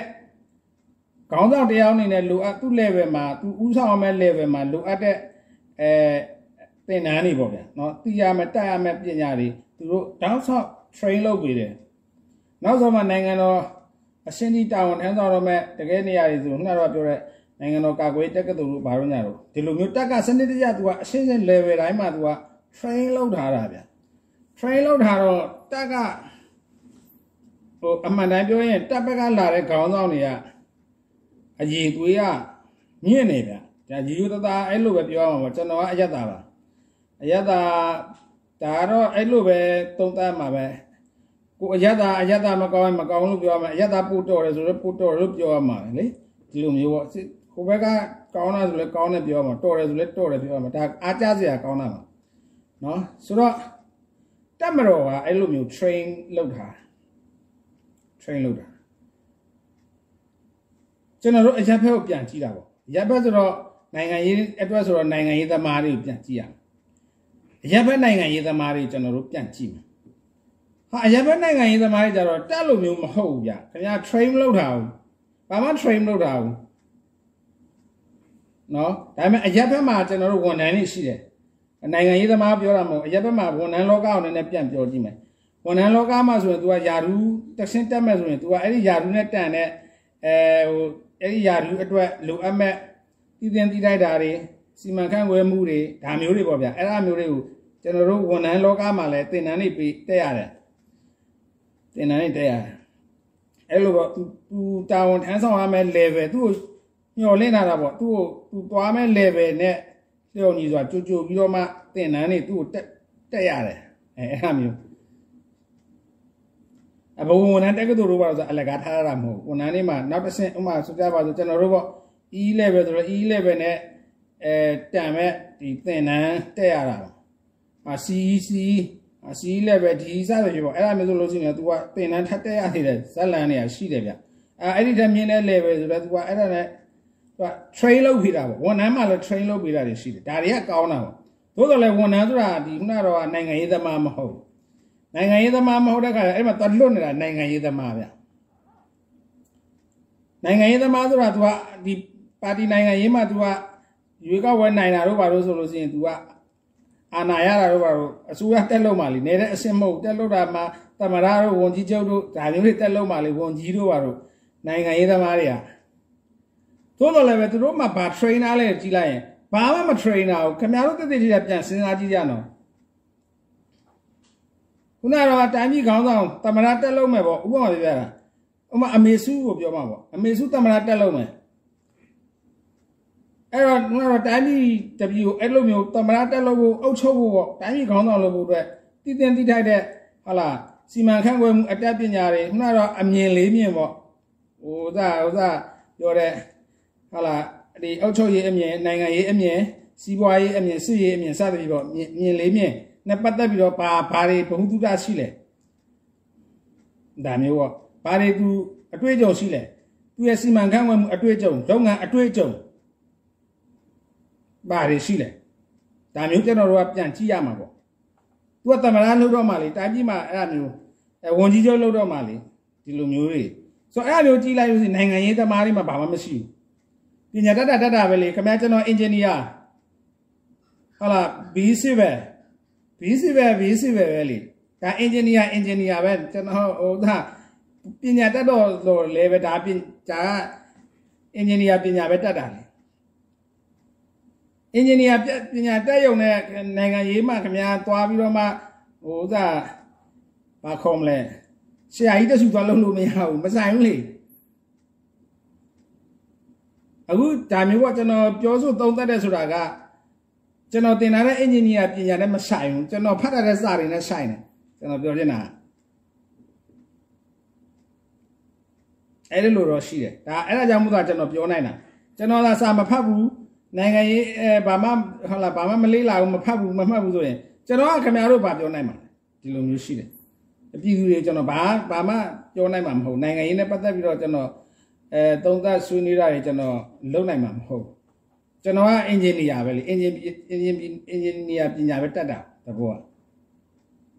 အဲ့ဒီလိုပဲခင်ဗျားတို့ကပြောမယ်အာဘွဲရပညာတတ်နေပါညာမဆိုင်ဘူးကျွန်တော်ပြောချင်တာဘွဲရပညာတတ်ခုနကမတွေ့ဘူးလားခင်ဗျားတို့ဘွဲရပညာတတ်ယုံနဲ့ခုနတော့မတွေ့ဘူးလားဟိုမဲ့လေရင်လေရင်လေရင်ဟိုဟိုအဲအမိုက်တွေသက်ထည့်ပြီးတော့တိရွက်တွေသက်ထည့်ပြီးတော့မှ အဲတိတယ်မဟုတ်လားအဲ့ဒါခင်ဗျားတို့ပြောတဲ့ပညာတတ်ပဲလေအင်ဂျင်နီယာပညာတတ်ထားတာနော်ခိုင်းသွားတာစာတက်လားမတက်လားတော့မသိဘူးဟိုတန်းစင်အလုပ်သမားသူ့ကိုခိုင်းသွားတာအင်ဂျင်နီယာကိုခိုင်းသွားတာပညာတတ်ဘွဲရပညာတတ်ဘွဲရပညာတတ်အင်ဂျင်နီယာတော့အရှင်းရှင်းပညာတတ်ထားတာအဲ့လိုလူကိုဟိုဘက်တန်းစင်အလုပ်သမားတယောက်ကအသာလေးခိုင်းသွားတာပညာတတ်တာနဲ့ခင်ဗျားနိုင်ငံရေးနားလေးတာနဲ့စိတ်ကောင်းရှိတာနဲ့လုံကောင်းရှိတာနဲ့အဲဒီဆုံးဖြတ်ချက်တွေမှန်ကန်တယ်နဲ့ဘာမှဆိုင်ဘာမှဆိုင် လူရဲ့ပင်ကိုစိတ်ကောင်းစိတ်မြတ်ရှိမှုအဲ့ဒါတွေလည်းလိုသေးတယ်နောက်တစ်ခုကတော့စာပေဘုဒ္ဓပေါ့ခင်ဗျားတို့ဒါတွေမလေးလာရင်ဘာမှသိမှာမဟုတ်ဘူးတကယ်တမ်းကျတော့ဟိုအဲ့ဒီအဲ့ဒီလေရင်ခွင်းမှာလေရင်ကိုအဲ့ဒီပြတ်ကြအောင်လုပ်တဲ့ကိစ္စတကယ်တမ်းကျတော့အဲ့ဒီအင်ဂျင်နီယာကသူ့မှာဘာမှမလို့စာဖတ်ဖို့လည်းမလို့သူ့မှာ အဲလူတွေပေါ်မှာတနာကျင်လာတဲ့စိတ်လေးနည်းနည်းရှိတာနဲ့ဒီကိစ္စသူမလုပ်ဘူး။ဘာကြောင့်ဆိုတော့ဟာဒါအပြစ်မဲ့လူတွေအလကားနေရင်နဲ့သိရင်ပြတ်ကြပြီသိရင်အဲ့ဒီမှာအပြစ်မဲ့လူတွေအလကားနေရင်သိမဲ့ကိစ္စလေးခင်ဗျားဒီခုနအမလူခွင့်စာအုပ်ရှိတယ်အဲ့ဒါနဲ့ကပြောခင်ဗျားတို့တက်ကောင်မှဟိုအကုန်လုံးဒုက္ခရောက်ကုန်မှာတဘောကဆိုတော့ तू အဲ့ဒီလိုမျိုးစိတ်ကောင်းလေးနည်းနည်းရှိတာနဲ့ဒီစာအုပ်တွေဖတ်ရမလို့ပါဘူး။ဩလူတွေအသက်အလကားသိနေနဲ့အပြစ်မဲ့သိကုန်မယ်ဆိုဒါမလုပ်သင့်ဆိုတာ तू ကအခွဲချနိုင်တယ် အဲ့တော့စိတ်ကလည်းစိတ်ကောင်းနှလုံးကောင်းမရှိဘူးအာစာပေဘူးသူရလည်းမရှိဘူး तू ကသူပြင်ဟိုဘွဲရပညာတတ်တာပဲရှိတာအဲ့တော့ဦးနာတော်ကဘာမဟုတ်တဲ့ဟိုတန့်စင်အလုသမားကသူ့ကိုခမရအဲ့ဒါလှုပ်လိုက်ဆိုတော့အာ तू ကအဟုတ်ဒီလှုပ်ဒါမျိုးပေါ့အဲ့ဒါပဲခမရတို့အခုတက်သေးတွေရှိတာပဲအခုအဲ့ဒါတွေနဲ့ခမရတို့တာရကားပြလို့ရတယ်ပြောချင်တာနိုင်ငံရေးဆိုတာအဲ့ဒီထဲပိုကျယ်ပြန့်နေတယ် ဆိုတဲ့အခါကျတော့ခမ ्या ပွဲရတာယုံနဲ့ခမ ्या တိုင်းပြည်အုပ်ချုပ်မင်းလုပ်လို့ရတယ်ဆိုတာလည်းမဟုတ်ကျွန်တော်ကဘာလို့မြင်စီချင်တာလဲဆိုတော့ကျွန်တော်တို့ဒီဒီဘက်အခုနိုင်ငံရေးဒီမိုကရေစီဟလာဒီရွေးကောက်ပွဲစနစ်နဲ့တွားတဲ့နိုင်ငံရေးစနစ်မှာနိုင်ငံရေးသမားတွေဟာဘာမှ training မရှိဘူးတိုင်းပြည်အုပ်ချုပ်နိုင်တဲ့အဲသူတို့မှလေ့ကျင့်လာတဲ့ဥစ္စာမရှိဘူးအယက်သားနိုင်ငံရေးသမားတွေမှမရှိဘူး မရှိတဲ့ခါကျတော့ဘာဘာဖြစ်လဲမရှိတဲ့ခါကျတော့သူတို့ကသူတို့ရဲ့အရေးလူကအရေးချင်းသတ်မှတ်ချက်တော့သူ့ရဲ့ဟိုစားပေါ့ဘာခေါ်မလဲအုပ်စုတိုင်းမှာပေါ့အုပ်စုအုပ်စုတိုင်းမှာအရေးသူသူ့နီးသူ့ဟန်နဲ့တော့အရေးချင်းသတ်မှတ်ချက်တွေတော့ရှိတာခုနကတော့လို့တတ်မတော်အုပ်စုမှာဆိုလဲဒါဒါဟုတ်လားအကြီးကဲဖြစ်ဖို့ဆိုဘာတင်နဲ့ညာတင်နဲ့ဒါတွေသူ့ဒါသတ်မှတ်ချက်တွေရှိတယ်အဲခုနကတော့ဝန်ထမ်းအကြီးကဲတွေဝန်ထမ်းဆိုလဲသူ့ level နဲ့သူဘာတင်နဲ့တက်မှညာတင်နဲ့တက်မှဒီလိုသတ်မှတ်ချက်တွေရှိတယ် အခုလည်းနိုင်ငံရေးသမားတွေပေါ့အရက်အရက်သားအရက်ဖက်နိုင်ငံရေးသမားတွေအရက်ဖက်နိုင်ငံရေးသမားတွေလည်းသူလည်းသူကသတ်မှတ်ချက်တော့ရှိတယ်ဗျာ training မရှိတာဆိုပေမဲ့ဘာသတ်မှတ်ချက်ဖြစ်သွားလဲသိလားအဲ့တော့ပြောတော့မပြောခြင်းဘူးဘာဖြစ်သွားလဲဆိုတော့သူတို့ရဲ့စံနှုံးတွေပေါ့ဘာသာပြက်ထောင်ပန်းကြိမ်ကြဘူးလေထောင်သက်ဘယ်လောက်ရှိသလဲ အဲဆက်လာအဲ့ဒါဖြစ်သွားကဲစဉ်းစားကြည့်ကြသူကအဲ့ဒါပဲဒါလည်းတက်တည်ရှိတယ်ခင်ဗျားတို့ခုနတော့ကဒီ energy အစိုးရလက်ထက် energy အာဏာရဟိုရွေးကောက်ပွဲနိုင်ပြီးတော့ဟိုသားဖြစ်တဲ့အခါကျတော့သူသူခန့်တဲ့ဝန်ကြီးချုပ်တွေပါတယ်ဆိုလို့အကုန်ထောင်ထွက်တွေကြီးပဲလေသူတို့ရဲ့သတ်မှတ်ချက်ကဘာဖြစ်လဲနိုင်ငံရေးသမားတွေရဲ့သတ်မှတ်ချက်ကအရက်အရက်သားနိုင်ငံရေးသမားတွေပြောတာ အရက်သားနိုင်ငံရေးသမားတွေကသူအဲ့လိုမျိုးကျွန်တော်တို့ခုနကတော့တက်တို့ဒီဝန်ထမ်းတို့လိုမျိုး trainee တွေသူ့ကိုတတ်မှတ်ထားတဲ့ trainee တွေအရှင်းတန်းတတ်မှတ်ချက်တွေမရှိတဲ့ခါကျတော့သူတို့ကလည်းသူတို့ကသူတို့ရှိတဲ့တတ်မှတ်ချက်နဲ့သူတို့ထင်ရတတ်မှတ်လိုက်တော့ပါထောင်တွဲနိုင်ငံရေးဖြစ်သွားထောင်သက်ဘယ်လောက်ရှိတယ်လဲထောင်ဘယ်နှကြိမ်ကြဘူးလဲအဲအဲ့ဒါတွေနဲ့တခါလဲထောင်ထောင်ဟုတ်လားဟိုအများကြီးကြဘူးလေနှစ်အစီကြဘူးလေအကြိမ်ကြိမ်ကြဘူးလေဒါအပွင့်အကြီးတာပေါ့အပွင့်နဲ့ ပြောရင်အပွင့်ကြီးတာအဲဇက်လန်အဲ့ဒါတွေကိုကြည့်ပြီးတော့မှခင်ဗျားတို့မတွေ့ဘူးလားခုနကတော့ဝန်ကြီးချုပ်တွေအကုန်ခန့်တယ်ထောင်တွက်တက်တက်ပဲထောင်ကြဘူးမှဝန်ကြီးချုပ်ဖြစ်ရမလို့ဖြစ်နေထောင်ကြဘူးမှသမရဖြစ်ရမလို့ဖြစ်နေအဲ့ဒါကလည်းစလွဲသွားပြီကျွန်တော်ပြောချင်တာအဲ့ဒါဆိုလို့ရှိရင်ဘာဘာသာဖြစ်မှာနိုင်ငံရေးသမားတွေက तू ကအဲ့ဒီသူ့သူမှလိုအပ်တဲ့ပါဝါက ထောင်ကြဖို့ပဲလေအဲ့ဒါကကျတော့ထောင်ကြမှလည်းမကြောက်တော့ဘူးတန်းကြမှလည်းမကြောက်တော့ဘူးထောင်ခဏခဏကြလေ तू ရဲ့အပွင့်တက်တယ်လို့ပဲဒီယာရုတက်တယ်လို့ဖြစ်တာပေါ့အဲ့တော့ဘာလုပ်မလဲအဲ့တော့ तू ကအခုလိုမျိုးခင်ဗျားတို့အားနေကလောမယ်ကလန်မယ်အကြီးအဲဘာကောလဲခုနတော့အဲတပိတ်တွေဖန်တီးမယ်ဟလာဟိုသာဒီလိုမျိုးတွေဖြစ်ကုန်တာအာအားနေအစိုးရကိုကလန်မယ်အဲဒါမျိုးပေါ့တက်လာတဲ့အစိုးရကိုကလန်မယ်ကလောမယ်ကလတ်မယ် ထောင်ထဲဝင်မယ်ထောင်ထဲတစ်ကြိမ်ဝင်အပွင့်တစ်ခါတက်တယ်ထောင်ထဲနှစ်ကြိမ်ဝင်အပွင့်သုံးခါဒါမျိုးတွေဖြစ်ကုန်သူတို့အပြုသဘောမဆောင်တော့အဖြတ်အဖြတ်လုပ်လေသူကဟိုသာဖြစ်လေဖြစ်သွားတယ်နိုင်ငံရေးသမားတွေမှာအဲ့လိုသဖြစ်တယ်ဗျဆိုတော့အဲ့ဒါကတိုင်းပြည်အတွက်အလားလာမကောင်းကျွန်တော်ပြောချင်တာအဲ့အဲ့ဒါကြောင့်မို့လဲပါလိပေါ်လာတယ်ခင်ဗျားတို့တွေ့တဲ့အတိုင်းပဲဒီပြီးခဲ့တဲ့ NLD လွှတ်တော်မှာဥစင်ကြီးတို့ဘာလို့စောင်းပိုက်ပြီးတော့ လွှတ်တော်ကိုယ်စားလှယ်တွေဥစင်ကြီးလွှတ်တော်ကိုယ်စားလှယ်တို့လေရေငန်းပိုင်ဥစင်ကြီးမြမပင်လေပြင်ကိုဘာပဲတမ်းမတော့ကြီးကမပိုင်ဘူးဆိုလားဘာလည်းမသိဘူးဟိုဥစင်ကြီးကပိုင်တယ်တို့ဘာလို့ဖြစ်ကုန်ဟိုမြမမီရထားဘာဖြစ်တဲ့ညာဖြစ်တဲ့ပြောဖို့မမကိုချစ်ပါတယ်မမကိုမျက်နှိုးရတယ်မမကိုတန်ဖိုးထားပါတယ်ဟာဘာလည်းမသိဘူးပြောတာလေအဲအဲ့လိုလွတ်တော်ကိုယ်စားလှယ်တွေဟိုစားဖြစ်သွားတယ်ကျွန်တော်ကတွန်တင်းမျိုးနေရပါလို့ပြောတာဟိုလွတ်တော်ကိုယ်စားလှယ်တယောက်က အဲဘာဖြစ်လဲတွန်တင်းသိန်းနံတို့ဘာတို့ကပလာတော့ကျွန်တော်ကတွန်တင်းမျိုးနေရလွတ်တော်ကိုယ်စားလှယ်ပါလို့ပြောပြီးနေတဲ့ကိစ္စမဟုတ်ဘူးအဲဘာသူကအဲ့လိုမျိုးတွေပေါ့ပေါက်ကရကာကြီးခဝေးလွတ်တော်အမတ်တွေပါအဲ့လိုမျိုးတွေခင်ဗျားတို့လည်းဟိုတတိထားမိပါပါဆိုတော့ကလည်းတော့အဆင်မပြေဘူးလေဒါကဘယ်သူမှတာဝန်ရှိလဲကျွန်တော်တို့အခုဒီကိစ္စပြန်စဉ်းစားမယ်ဒီကိစ္စကကျွန်တော်တို့ကဒီဒီဒီ live ပုံစံကို ပုံစံတစ်မျိုးနဲ့ကျွန်တော်ပြောခဲ့တာရှိတယ်ဆိုတော့ဒီဒီကိစ္စတွေကြောင့်ပြောချင်တာကဒီအရက်ဘက်နိုင်ငံရေးသမားတွေကိုအရေးသွေးမြင့်တင်တဲ့တင်နန်းတွေလည်းမရှိဘူးစနစ်လည်းမရှိဘူးအဲ့ဒါတွေကိုတိုင်းပြည်ခေါင်းဆောင်တွေကမဖန်တီးခဲ့တာမလိုအပ်ဘူးလို့သူတို့ကယူဆတာလားအဲကျွန်တော်လည်းမပြောတတ်ဘူး ဆိုတာတိုင်းပြည်မှာခုနကတမတော်ခေါင်းဆောင်တွေတမတော်ခေါင်းဆောင်တွေဆိုလို့ရှိရင်သူရဲ့တမတော်သားတွေကိုကြတော့သူက training တွေအမျိုးမျိုးအရေးသွေးပြည့်မီအောင်ဟာလာအရေးချင်းရှိအောင်သူ training တွေအမျိုးမျိုးအရှင်းရှင်း level တိုင်းမှာသူ train လုပ်တယ် train လုပ်တယ်သို့တော်လည်းအယက်အယက်သားတွေကိုသူ train မလုပ်ဘူးဆိုတော့ကကျွန်တော်တတိထားမိတယ်လေခုနကတော့ပြောတဲ့ ဒီတက်မတော်ခေါင်းဆောင်တွေကတိုင်းပြည်အုပ်ချုပ်ခဲ့တာဒီ55နှစ်ဟိုလွတ်လပ်ရေးရတာ83နှစ်တည်းဝင်လာပြီ55နှစ်လောက်ကအဲတက်မတော်ခေါင်းဆောင်တွေကအုပ်ချုပ်ခဲ့တဲ့ဆိုရင်နိုင်ငံခေါင်းဆောင်တွေလုပ်ခဲ့တဲ့လူတွေကတက်မတော်သားတွေများတယ်လို့ပြောရမှာပါဒီလိုပဲပြောရမှာပါဆိုတော့ဒါနိုင်ငံခေါင်းဆောင်တွေမှာတာဝန်ရှိတယ်ပြောချင်တာကဟို တာမန်အားဖြစ်တော့ပြည်သူတွေကတော့အယက်သားအစိုးရဝယ်မြင်ချင်တာကိုမြင်ချင်တာကိုဒါတွေကိုတစ်ချိန်ချိန်မှာဖြစ်အောင်တော့စွစွမြင့်မြင့်ဖြစ်အောင်တော့လုပ်ရမှာပေါ့အခုချိန်မှာမဖြစ်တာကတော့ဒါကာလအခြေအနေရခုနကတော့ကျွန်တော်ပြောတဲ့အယက်ဖက်နိုင်ငံရေးသမားတွေရဲ့အယက်သားနိုင်ငံရေးသမားတွေရဲ့အဲသူတို့ train မလုပ်ထားတာတွေအရေးချင်းမပြည့်မိတာတွေကြောင့်အဲဒီဘက်က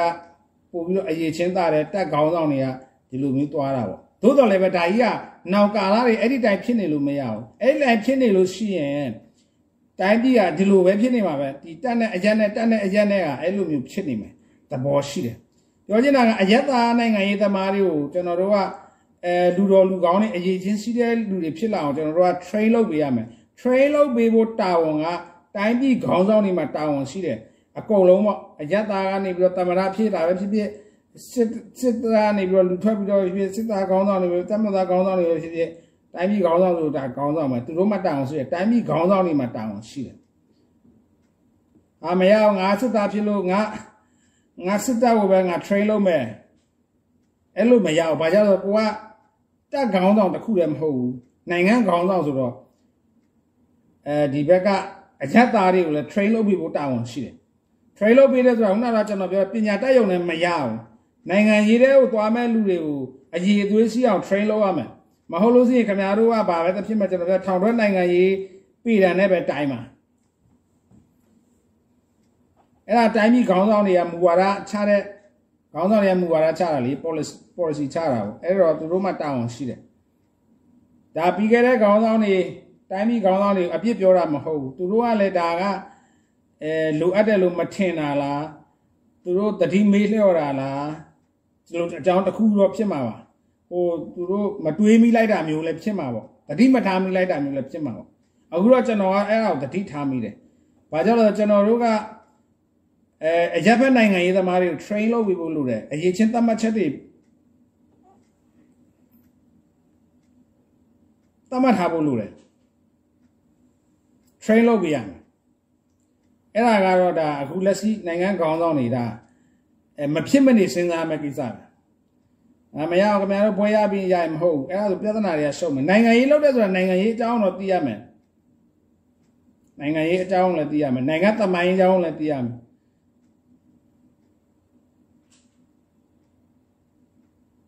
ဘာလို့လဲဆိုတော့ဘွဲရပြီးတော့ဘွဲရပြီးတော့မှဟိုမူကြောင်မူကြောင်နဲ့နိုင်ငံရေးတွေဝင်လာတယ်အဲခုနကတော့ပြောရဲဟိုဂျာနယ်တစ်စောင်ဖတ်ရင်ဒီလိုင်းဂျာနယ်ဖတ်နိုင်ငံရေးလှုပ်ရှားလို့ရပြီဆိုဘဲသွားတိုင်းကြီးပြတော့ အဲဒါကြောင့်အခုလို့ဖြစ်နေတာအဲဒါကြောင့်အခုလို့ဖြစ်နေတာအခုလို့ဖြစ်နေတယ်ဆိုတာအဲဒါကြောင့်ဖြစ်နေတယ်ခုနကတော့လို့အရက်ဘက်နိုင်ငံရေးနိုင်ငံရေးတွေဝင်မဲ့အရက်သားနိုင်ငံရေးသမားတွေကို training ပေးမဲ့နေရာတွေမရှိလို့ဖြစ်တာဒီကြားကြီးချင်းတတ်မှတ်ချက်တွေကိုမတတ်မှတ်ထားလို့ကိုအခုလို့ဖြစ်တာဆိုတော့ချုပ်ပြီးတော့ပြောလို့ရှိရင်အရသာနိုင်ငံရေးသမားတွေကို train လုပ်ရမယ့်စင်တာတွေ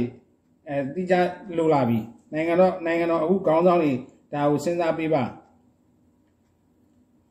ကျွန်တော်တို့တခါပြောခဲ့တယ်လေဒီဟိုစားပေါ့ဒီနိုင်ငံရေးသိပ္ပံအကယ်ဒမီလိုမျိုးအဲကျောင်းတွေဖွင့်ပြီးတော့မှဒီနိုင်ငံရေးတဲ့ဝင်လို့တဲ့လူတွေကဒီကနေပြီးတော့ဒီပလိုမာလက်မှတ်တွေပါရထားမယ်။ဘာအဲ့ဒီမှာနိုင်ငံရေးနဲ့ပတ်သက်တာတွေအကုန်လုံးပို့ချလေ political science အကုန်လုံးပို့ချဟုတ်လားနိုင်ငံရေးစနစ်တွေရဲ့သဘောတရားတွေရောကမ္ဘာသမိုင်းမြန်မာသမိုင်းတက်မတော်ရဲ့အခန်းကဏ္ဍ ဟုတ်လားဆိုရှယ်လစ်စနစ်ဆိုတာပါလဲအရင်စနစ်ဆိုတာပါလဲဟုတ်လားကွန်မြူနစ်ဆိုတာပါလဲဟုတ်တယ်မဟုတ်လားအကုန်လုံးနိုင်ငံရေးနဲ့ပတ်သက်တဲ့စီမံခန့်ခွဲရေးအုပ်ချုပ်ရေးဥပဒေပညာစသဖြင့်ပေါ့အများကြီးရှိတယ်ဗျာခင်ဗျားတို့အကုန်လုံးအဲ့ဒီမှာဒီဂရီလက်မှတ်တခုယူခိုင်းရမယ်တနှစ်လောက်တက်ပြီးတော့ ဘွဲရပညာတက်ပေါ့ဘွဲရဒီမှာဟိုတက္ကသိုလ်တစ်ခုကဘွဲရပြီးနိုင်ငံရေးနဲ့ဝင်ကျင်တဲ့ကောင်အဲ့ဒီမှာတော့တက်တခါလဲတက်လိုက်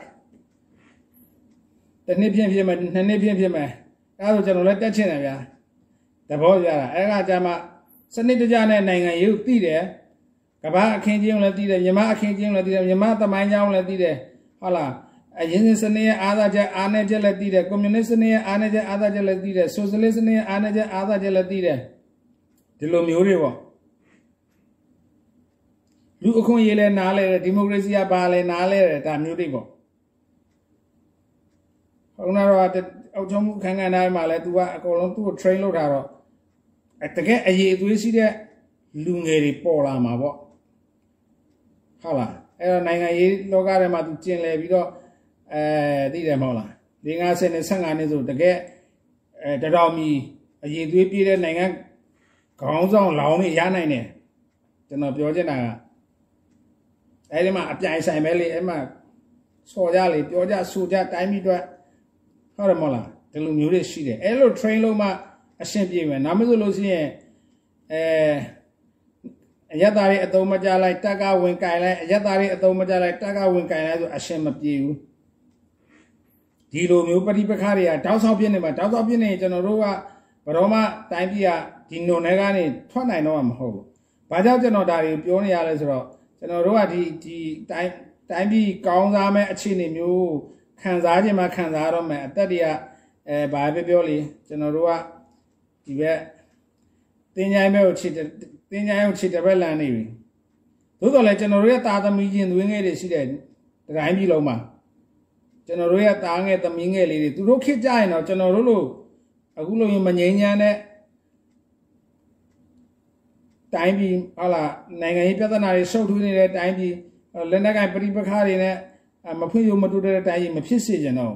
မူရစေဝါပြဿနာတွေနဲ့ဟုတ်လားပူပန်နေရမယ့်တိုင်းပြည်ဒီလိုမျိုးမဖြစ်စေချင်တော့ကျွန်တော်တို့လည်းသူများနိုင်ငံတွေနီးလူဖွံ့ဖြိုးတိုးတက်တဲ့တည်ငြိမ်အေးချမ်းတဲ့တိုင်းပြည်ဖြစ်စေချင်တယ်ကျွန်တော်တို့မရှိတော့တဲ့အချိန်မှာလေကျွန်တော်တို့သားသမီးတွေအားလုံးပေါ့သားသမီးဆိုတာကျွန်တော်တို့နိုင်ငံထဲမှာရှိတဲ့ကျွန်တော်တို့ရဲ့ရင်းနှီးသေးကြတွေအကုန်လုံးပါပါတယ်သူတို့ခေတ်မှာမဖြစ်စေချင်တော့ အဲ့ဒီခေတ်မှာမဖြစ်ဖို့ဆိုရင်ကျွန်တော်တို့ကဒီကအခုအချိန်နဲ့စပြီးတော့ခုနကတော့ပြောတဲ့နိုင်ငံရေးသမားတွေရဲ့အကြီးအသွေးတွေမြင့်တက်လာအောင် training ပေးပေးနေရမယ့်စင်တာတွေထူထောင်ပေးရမယ်ဒါနိုင်ငံတော်အကြီးအကဲတွေလောက်ရမယ့်ကိစ္စပဲအဲ့ဒါကဘာမှမခက်ဘူးနိုင်ငံဒီရွေးကောက်ပွဲစနစ်တို့ဒီဟိုစပေါ့အဲဟိုရွေးကောက်ခံကိုယ်စားလှယ်တွေရဲ့အရေးချင်းသတ်မှတ်ချက်တွေကိုမြင့်တင်လိုက်ဘွဲဘွဲရရမယ်အဲဒီဘက်က အဲနိုင်ငံရေးသိပ္ပံအကယ်ဒမီကျောင်းကျောင်းလောက်ပဲလို့တာဗျအဲနိုင်ငံရေးနဲ့ပတ်သက်တဲ့လိုအပ်တဲ့ပို့ချမဲ့ပတ်စံပေးပြီးတော့တက်ရမှာပေါ့အဲအဲ့ဒီသင်တန်းကျောင်းအဲ့ဒီအဲ့ဒီတက္ကသိုလ်ပေါ့တက္ကသိုလ်လို့ပဲပြောလိုက်တော့အကယ်ဒမီကျောင်းတစ်ကျောင်းပဲလို့တာအဲ့ဒီမှာသွားတက်ဟိုလုံးပတ်စံပေးပြီးတော့တက်အဲ့ဒီကတက်လာပြီးအဲ့ဒီကသင်တန်းဆင်းလာတဲ့လူမှအရေးအရေးချင်းပြည့်တဲ့နိုင်ငံရေးနဲ့ပတ်သက်တဲ့သူမြင်ဘ ഹു တုဒနားလေတဲ့ ခြေခံတရားနားလေသွားတဲ့လူဟုတ်တယ်မလားခုနကတော့အမြင်လေးမြင်လဲကောင်းကောင်းရှိသွားတဲ့လူဒီဘက်ကလည်းတက္ကသိုလ်တစ်ခုကလည်းဘွဲရတာတဲ့လူအဲအဲ့ဒါဆိုလို့ရှိရင်နိုင်ငံရေးသမားကောင်းတွေထွက်လာမယ်အဲ့ဒါမှခင်ဗျာတိုင်းပြည်ကိုကောင်းကောင်းမဦးဆောင်နိုင်ပါဘူးနောက်မဆိုရင်ကပောဒီကပောဒါကလောကလတ်ထောင်တွဲတွေနဲ့ဟုတ်လားကလန်နဲ့ကွာခုံဟာဟိုသဘွေးကြီးကို ဘာဖြစ်လဲဆွဲလှန်ပြလိုက်တယ်ကွာဒီလိုကောင်လူစိုးလူသွားနေပဲခင်ဗျားတို့လွတ်တော်ထဲမှာရောက်နေမှာပေါ့လွတ်တော်ထဲမှာအဲ့လိုဥစဉ်ကြီးတို့ဘာတို့ညာတို့တရောက်နေလို့ခင်ဗျားတိုင်းပြည်ကအခုလိုပြက်ပါပေါ့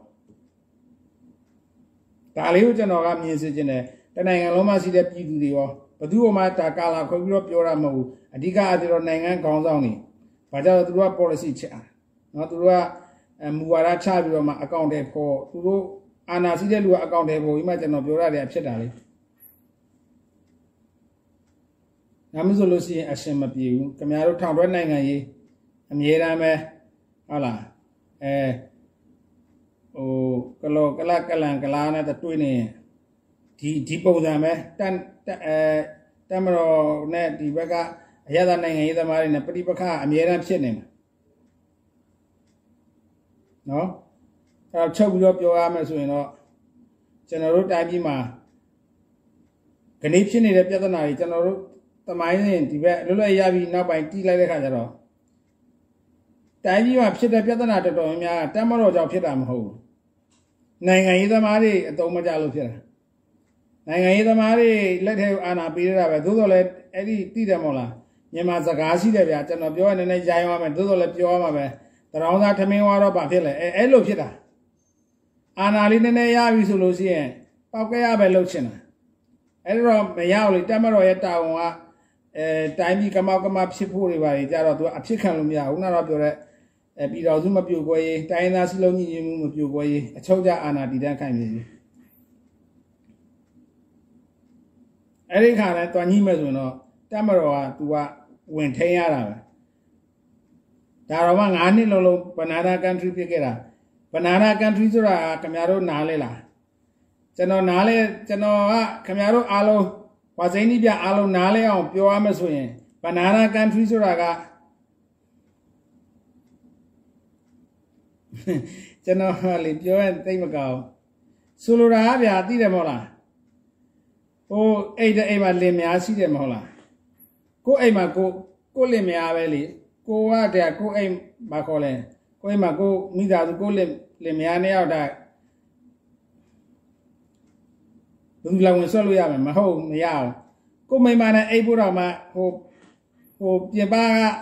လူကလာရအဲ့ကမင်းမိမနဲ့အိတ်နဲ့ဆိုမအိတ်ရဘူးအဲအဲ့လိုမျိုးဟိုကြောပါရဲ့ကျွန်တော်ဘလို့မြင်တာအောင်ပြောတာလူဘိန်းနားလဲအောင်ပြောလိုက်တာဘနာနာကန်ထရီကအဲ့လိုမျိုးကိုအိမ်ကိုလာပြီးတော့သူများကလာစီမံခန့်ခွဲနေတာဘာလည်းမဆိုင် အဲအဲ့လိုမျိုးဇက်လန်အဲ့ဒါဘနာနာကန်ထရီအဲ့ဒါပဲအဲ့အဲ့ဒီဒီ NLD 9နှစ်လောကအဲ့ဘနာနာကန်ထရီဖြစ်ခဲ့တာကျွန်တော်တို့တိုင်းပြည်ကကံကောင်းလို့နောက်နောက်9နှစ်ဆိုပို့ဆိုးရမယ်ဘယ်လိုမှအဖက်ဆက်လို့ရတော့အခုတော့ဘာပဲပြောအချိန်မိလိုက်တယ်ပေါ့နော်အဲ့ဒါလေးကိုဒါတွေအားလုံးဖြစ်တဲ့အကြောင်းတရားကပြန်ချုပ်လိုက်ရင်တိုင်းကြီးမှာဖြစ်နေတဲ့ကိစ္စတွေကနိုင်ငံရေးသမားတွေအားနေတယ်လို့ဖြစ်တာ နိုင်ငံရေးအရေးအသွေးနယ်လို့ဖြစ်တာနိုင်ငံရေးနဲ့ပတ်သက်တဲ့အတွေးကောအမျော်အမြင်စေတနာအားနေလို့ဖြစ်တာသူတို့ကတရောင်းသားသမင်းဝါရဲ့ဟိုဟာဖြစ်ဖို့ပဲစဉ်းစားနေတာအာနာရလာရင်သိတယ်မဟုတ်လားအောက်ချီလွတ်ကုန်အဲအဲ့ဒါပဲဆိုတော့ပြောတာတော့အစကားစကားလုံးနဲ့အကြီးပဲဘာလို့ဖို့ညာလို့ဖို့ပြည်သူကောင်းစားဖို့အဘာဖြစ်လို့အလကားအခုအကုန်လုံးတိုင်းပြည်လုံးဝန်ကြီးချုပ်တွေရောဝန်ကြီးတွေရောအကုန်လက်စားသွားတယ်မဟုတ်လား အမေစုတော်မှာရွှေခွန်နပိတ်ဒေါ်လာ6သိန်းခိုးသွားသေးတာပဲဟိုဘက်ကတခြားအများကြီးရှိပါတယ်ခင်ဗျားတို့မပေါ်လို့မပေါ်လို့သူလာစာမနေရတယ်နော်တမရဆိုသိန်း90ရတယ်အာတပီသူ့မှာတခြားခံစားခွင့်အဆောင်ရောင်ရှိသေးတယ်ဟိုဘက်ကလာစာတသိန်းနှစ်သိန်းမရတဲ့နိုင်ငံဝန်ထမ်းတွေအများကြီးပဲအဲဒီလီဝန်ထမ်းတွေလက်ဖက်ရည်လေးတစ်ခွက်နှစ်ခွက်ဟာလာဟို ပစံလေးကတော့သူများတထားလို့ပြီးသွားလဲအခမ်းမသိလို့စီထောင်ကြတယ်လက်ပြီးလိုက်ယူနေခင်ဗျာဟိုဘက်ကသိန်း90 60စားနေတဲ့တခြားခံစားခွင့်တွေလည်းရှိတယ်ခင်ဗျာတို့နိုင်ငံကောင်းဆောင်တွေတော့မှဒီမှာရွှေကွန်နပိတ်ဒေါ်လာ6သိန်းလို့ပါလို့စားသွားသေးတာပဲသဘောရတာအဲ့တော့ဘာမှမဟုတ်နိုင်ငံရေးသမားတွေရဲ့နိုင်ငံရေးအရေးအသွေးစေတနာအားနည်းလို့ဖြစ်တာအဲ့ဒါကိုကျွန်တော်တို့ကပြုစုပြောထောင်ပေးရမယ်နိုင်ငံရေးသမားကောင်းတွေထွက်လာမှအရက်ဘက်နိုင်ငံရေးသမားကောင်းတွေမွေးထုတ်ပေးရမယ်ဗျာကျွန်တော်ပြောတာရှင်းရှင်းလေးရဲ့ မွေးထုတ်ဖို့ကြတော့အရေးချင်းသတ်မှတ်ချက်တွေနဲ့ခုနကတော့ဒီရွေးကောက်ပွဲမှာအဲ့ဒါမျိုးတွေလိုအပ်တာတွေသတ်မှတ်လိုက်ပြီးအဲ့ဒီလိုအပ်တဲ့အရေးချင်းတွေကိုဒီနိုင်ငံရေးအရက်သားနိုင်ငံရေးသမားတွေဖြည့်ဆည်းနိုင်အောင်ခုနကတော့လို့ပေါ့နိုင်ငံရေးသိပ္ပံအကယ်ဒမီကျောင်းလိုမျိုးခင်ဗျားတို့ထူထောင်မေးလိုက်ကိုပတ်စံနဲ့ကိုတက်ကျွန်တော်အခုတက်တက်ချင်းနဲ့ဆိုလဲကျွန်တော်ပတ်စံနဲ့ကျွန်တော်တက်မယ်ခင်ဗျားတို့သာဖွင့်လိုက်ပါသဘောပြပြတာအဲ့လိုတက်ပြီးအဲ့လိုအရေးချင်းစီးတဲ့လူပဲခင်ဗျားလွတ်တော့ကိုယ်စလဲပြိုင်အဲ့ဒါတော့မရသေးဘူး နိုင်ငံတော်မှာဒီဟာလာဒီတရားဥပဒေရဟိုဥသာပေါ့ဒီစဲဥပဒေတွေရအရေးယူခံရခဲ့ဘူးတာမျိုးဖြစ်လဲအဲလွတ်တော့ကိုယ်စလဲဝင်ပြိုင်လို့မရဘူးဆိုရင်ကိစ္စပြတ်သွားပြီဘယ်သူမှလမ်းပေါ်မှာဆန္ဒမပြတော့ဘူးဟိုဟိုចောင်းသားတွေလဲဘာကြောင့်လဲဆိုတော့ခင်ဗျားသွားညှိပါလေတစ်ချိန်မှနိုင်ငံရေးလုပ်လို့မရတော့ဘူးခင်ဗျားတို့အဲ့ဒါတွေဒါဥပဒေတိုင်းသတ်မှတ်လိုက်ပါဥပဒေသတ်မှတ်လိုက်သတ်မှတ်မှာပဲ ဘယ်သူမှတားမြစ်တာမဟုတ်ကျွန်တော်အယူဆရဒါဘယ်သူမှဒီနေရာကိုမလာရောက်လို့တားမြစ်တာမဟုတ်ဘူးလာလို့ရတယ်အကုန်လာလို့ရတယ်ဒါပေမဲ့ခင်ဗျားတို့လိုအပ်တဲ့အရေးအသွေးတွေအရေးချင်းတွေဖြည့်ခဲ့ရမယ်ဒါပဲခင်ဗျားတို့ဒီနေရာကိုလာရင်ဒီအရေးသွေးတွေပြည့်အောင်နေထိုင်ပြုမှုကျင့်ကြံအဲဒါတွေခင်ဗျားတို့ဖြည့်စည်းခဲ့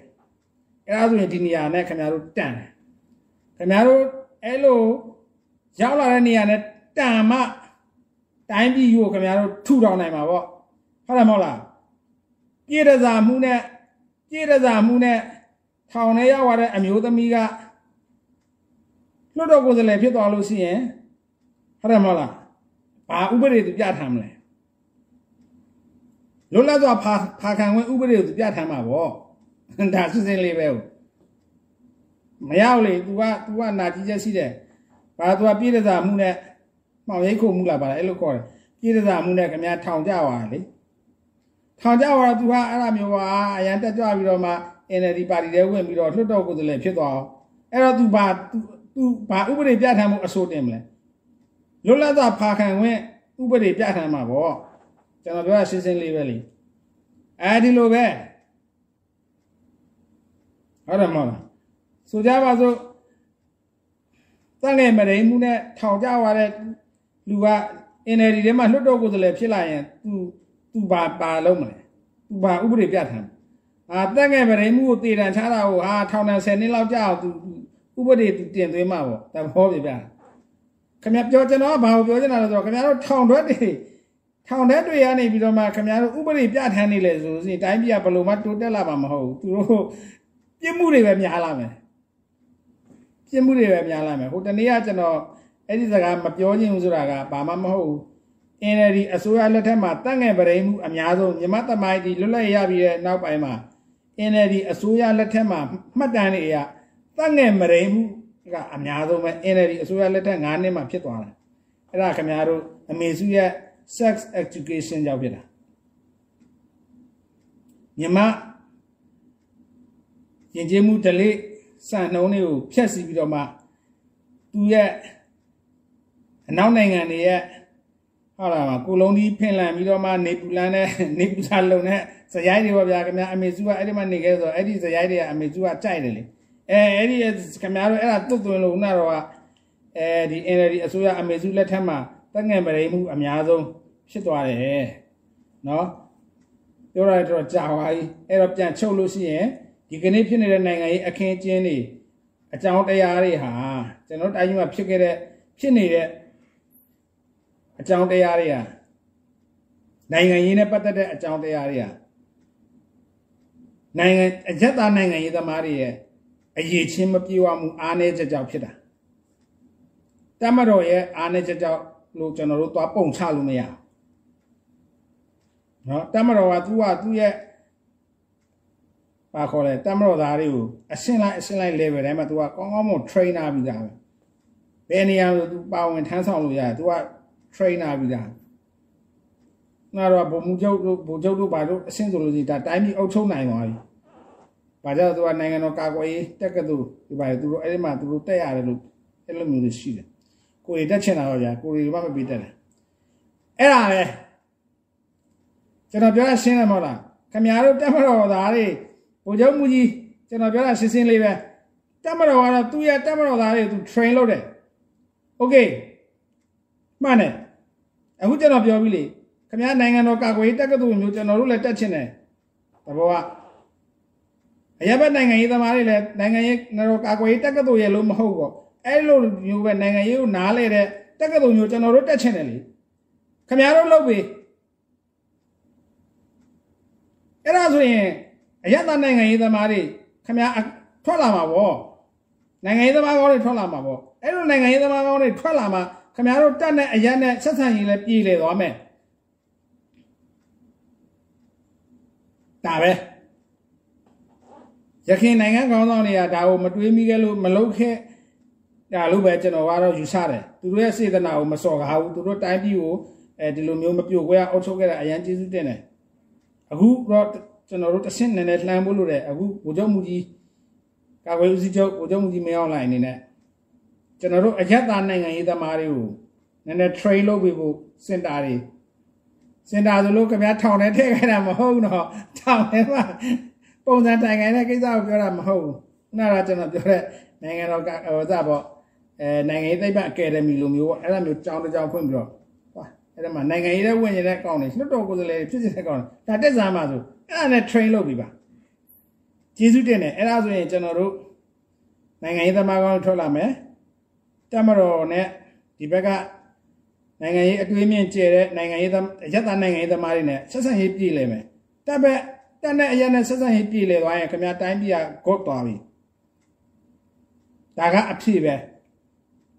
အဲ့တော့တိုင်းရိုးမှာစေတနာမှန်တယ်ဆိုလို့ရှိရင်အဲ့ဒီရဲ့ကွက်လက်လေးကိုဗိုလ်ချုပ်မူကြီးမင်းအောင်လှိုင်ကဖြစ်ပြီပါ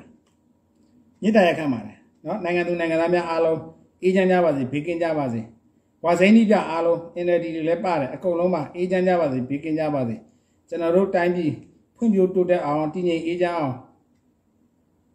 အားလုံးဝိုင်းဝန်းဆောင်ရွက်ပေးနိုင်ပါစေမိမိတို့ဆောင်ရွက်နေတဲ့ကိစ္စတွေပေါ်မှာလည်းအဲတချို့ကိစ္စလေးပြန်လဲဆန်းစစ်သုံးသပ်ပြီးတော့မှစိတ်ကောင်းနှလုံးကောင်းလေးနဲ့ပေါ့လေနော်ပြန်လဲစဉ်းစားပေးကြပါလို့မေတ္တာရက်ခံပါတယ်အားလုံးအေးချမ်းကြပါစေပြီးကင်းကြပါစေနော်